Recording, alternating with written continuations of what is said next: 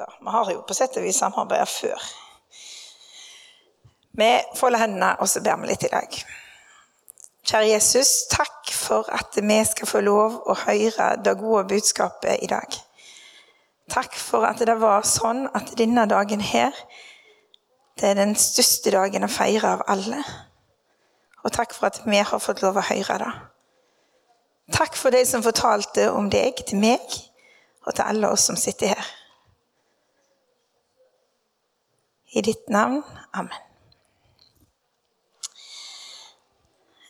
Jeg har usannsynlig mange barnebibler.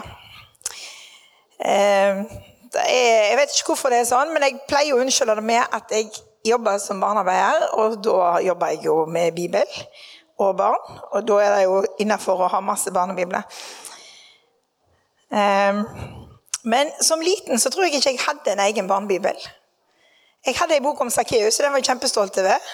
Sikkert fordi jeg var minst, og jeg syntes det var litt sånn stas å ha en bok om en annen som var liten. Jeg vet ikke, men den var min. Men når jeg var 19 år, da fikk jeg en barnebibel. Den het Guds hemmelige plan. Jeg fikk den som takk for en jobb jeg hadde vært med på. Og Den er det så fine bilder i. At jeg kunne hatt mange av dem på veggen. Og det bildet dere ser her, det er henta fra den barnebibelen. Bildet, eller tegningen, det er av Maria Magdalena som står utenfor Jesu grav på første påskedag. Og jeg skal fortelle litt om det i dag. Hvis du nå bytter bilde, Marius. Aller først vil jeg fortelle om Maria. Det var flere i Bibelen som het Maria. Og Av og til er det ikke så lett å vite om det er den ene eller den andre Maria vi snakker om. Men denne Maria hun var en av de som fulgte Jesus. Og I Lukasevangeliet så kan vi lese at en gang så hadde Jesus drevet sju onde ånder ut av henne. Og jeg vet ikke hva det vil si for et menneske å være plaga av ei ond ånd. Og iallfall ikke av sju. Men jeg forstår at det må være kjempevanskelig. Hun hadde det sikkert helt grusomt. Hun var ei som folk advarte mot. Hold deg vekke ifra Maria. Ikke kom i nærheten av henne. Det er ikke bra for deg. Men så en dag så kom Jesus. Han så henne. Han ser mer enn det andre, enn det andre mennesket ser. Og han så at hun hadde det vondt pga. at det var ikke henne han egentlig så. Han så de onde åndene som styrte henne. Jeg vet at jeg har sagt det før, jeg helt sikkert sagt det før her, og alle som har hørt meg si noe, har sikkert hørt meg si akkurat dette her. Men jeg hørte en gang, eller leste sannsynligvis, at et menneske sin djupeste lengsel da er at noen kjenner dem. Altså, Min djupeste lengsel er at noen kjenner meg. Din djupeste lengsel er at noen kjenner deg. Forstår hvorfor du gjør de tingene du gjør. Forstår hvorfor du har det sånn du har det. Hvorfor du reagerer sånn som du gjør. Og når Jesus så Maria, så forsto han med en gang hva som var galt. Og han kunne hjelpe, og han kunne gjøre henne fri. Og Derfor var det kanskje ikke så rart at Maria ønska å være der som Jesus var alltid. Eller så ofte som mulig. Og hun lytta til det han fortalte. Dere vet forskjellen på å lytte og høre? Vi må ha det neste bildet. Høre det gjør vi hele tida, til og med når vi sover. Å lytte det er når vi prøver å forstå hva det er vi hører. Av og til gjør vi det òg når vi sover, men da blir det ofte veldig krøll. Sånn.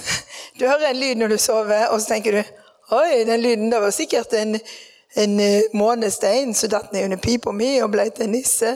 Altså, det er sånn Da prøver du å lytte i søvne. Det går ikke. Men høre, det kan vi gjøre uansett. Lytte, er litt mer. Og Maria hun lytta til Jesus. Hun prøvde å forstå hva de tingene Jesus sa, var. For hun forsto at det betydde noe for alle, for henne ikke minst. Så hun hørte på en måte med mer enn ørene sine. Og jeg tror hun forsto mer enn det de andre hørte. Nettopp fordi hun var et sånn lyttende menneske. Da ser vi et eksempel på Johannes 12. På neste bilde så ser vi et bilde fra den fortellingen. Når Maria salva Jesus sine føtter. Hun hadde en kjempedyr salve. Og så står det at hun salva føttene til Jesus, og hun tørka føttene hans med håret sitt. Og de som var i det selskapet den dagen, flere av dem reagerte på det hun gjorde.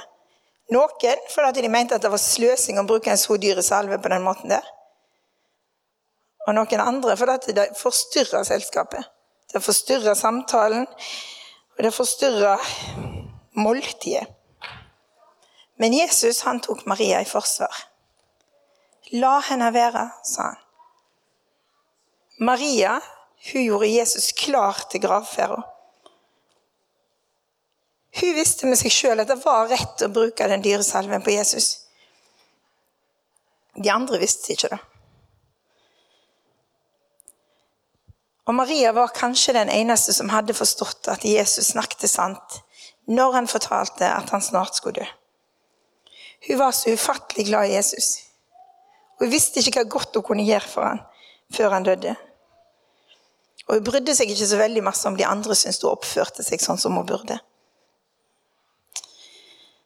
Neste bilde så ser vi Maria den dagen Jesus døde på korset og ble lagt i grava. Og det var kanskje verre for Maria enn for mange andre. Hun hadde hatt det verre enn de fleste. Og Jesus hadde møtt henne midt i alt det vanskelige. Og nå hadde hun mista Jesus. Og det var ingenting hun kunne gjøre. Vi kaller den dagen Jesus døde, for langfredag. Og jeg er helt sikker på at det var en lang dag. Når vi leser i Bibelen, så, så skjedde det så masse den dagen at det er helt proppfullt. Men jeg er ganske sikker på at dagen etterpå føltes enda lengre for de som pleide å være i lag med Jesus. En hel dag, en sabbat. De holdt seg hjemme, de var redde. De visste ikke hva som hadde skjedd, og de visste ikke hva som skulle skje. Og så måtte de bare vente og vente og vente. Og vi som har venta på forskjellig, vi vet at en hel dag det er som oftest veldig lenge å vente.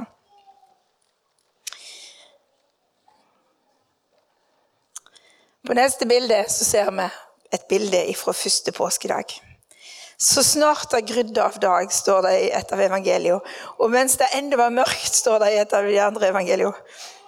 Så tidlig som det bare over hodet var mulig, så skyndte Maria seg til grava. Og så finner hun grava, men steinen som noen hadde lagt føre, den var rulla vekk. Grava var åpen. I Johannes evangeliet så står det ikke noe om Maria kikket inn i grava eller ikke, men det står at hun skyndte seg tilbake til byen for å fortelle til disiplene hva som hadde skjedd. Det er neste bilde. Du har forstått det sjøl, det er bra. jeg glemmer meg ut, jeg. Jeg vet ikke hva jeg hadde gjort. Jeg hadde kanskje blitt redd, og jeg hadde kanskje blitt nysgjerrig. Men Maria hun ble først og fremst opptatt av å fortelle det til noen andre. Og når hun kommer fram, så vet jeg ikke helt om det er med fortvilelse eller om det er med nysgjerrighet. eller hva det er. Men hun sier til disiplene de har tatt Jesus vekk ifra grava, og jeg vet ikke hvor de har gjort av ham. Og så blir det fart i disiplene. De som har sittet en hel dag og vært redde. Og de skynder seg til grava. De springer, står det. Det var ikke så veldig anstendig å springe, men de sprang. Og så kikker de inn i grava, og så ser de at Jesus ikke er der. Og hva de tenkte da, det er ikke så godt å si. Men de gikk tilbake til byen, og kanskje traff de Maria på veien. For ikke så lenge etterpå så finner vi Maria utfor grava igjen. Men nå er grava tom. Nei, hun er ikke det. Nå sier jeg helt feil. Hun er ikke tom. For hun kikker inn, og der sitter det to engler. Hvorfor griner du? spør de. Det syns jeg er litt rart. Vi snakket om det her på jobben òg. Faktisk. Jeg tror det var Marius som nevnte det. Engler de begynner som oftest med å si 'vær ikke redd'. Men de, ikke, de sier ikke til Maria 'vær ikke redd', de sier 'hvorfor griner du'? Og så tenker jeg Maria hun hadde sikkert opplevd så mange skremmende ting i livet sitt at det var på ingen måte nødvendig å si 'du trenger ikke være redd'. Hun hadde sikkert vært redd for det meste. Jeg har fundert litt på det. Jeg tror kanskje det kan ha noe med saken å gjøre. På spørsmålet så er jo svaret at Maria hun griner fordi hun finner ikke Jesus. Noen har tatt han, og hun vet ikke hvor hen han er. Og så snur hun seg vekk fra grava, og der står Jesus. Men Maria forsto ikke at det var Jesus. Hun trodde at det var hagevokteren som sto der. Og så får hun det samme spørsmålet igjen. Hvorfor griner du? Og for tredje gang den dagen så forteller Maria de har tatt Jesus, og jeg vet ikke hvor han er. Hun har sagt det til noen som ikke spurte. Hun har sagt det til englene, og nå sier hun det til Jesus. De har tatt Jesus, og jeg vet ikke hvor hen de har gjort av ham. Hun vet ikke hva hun skal gjøre, hun vet ikke hvor hun skal lete. Og så skjer det som jeg syns er så fint. Og det som gjør at jeg er så glad i det bildet i barnebibelen min. For Jesus han sier ett ord, ett navn. Han sier bare Maria. Og Maria hun forsto med en gang at det var Jesus. For han var den eneste som kunne nå inn til henne i den fortvilelsen som hun var i. Han kjente henne, og hun visste det. Og da ga henne fred. Maria fikk være den første det neste bildet, ja. Hun fikk være den første som fikk møte Jesus etter at han var stått opp. Hun hadde opplevd at Jesus hadde befridd henne fra de onde åndene. En gang for lenge siden. Og nå fikk hun bekrefte at Jesus han hadde makt over mer enn bare onde ånder. Til og med døden var han sterkere enn. Og hun var den første som fikk lov å fortelle at Jesus var stått opp. Og det var viktig at Jesus sto opp. For sånn kunne vi vite at han var sterkere enn alt det onde. Maria hun ble kalt for synderinne. En synder. Men når Jesus døde på korset, og når han sto opp av grava, så hadde han sont alle synder. Da var ikke Maria synderinne. Da var Maria Maria. Det ene ordet, det navnet, det rommer så masse den morgenen. Hun var fri, og oppdraget var fullført. Jesus hadde vunnet. Han vant for henne, og han vant for alle oss. Og nå skal jeg lese teksten. Nå har dere hørt historien. skal jeg lese teksten sånn som den står i Johannes evangeliet. Men på den første dagen i uken kom Maria Magdalena tidlig til graven mens det ennå var mørkt. Hun så at steinen var tatt bort fra graven.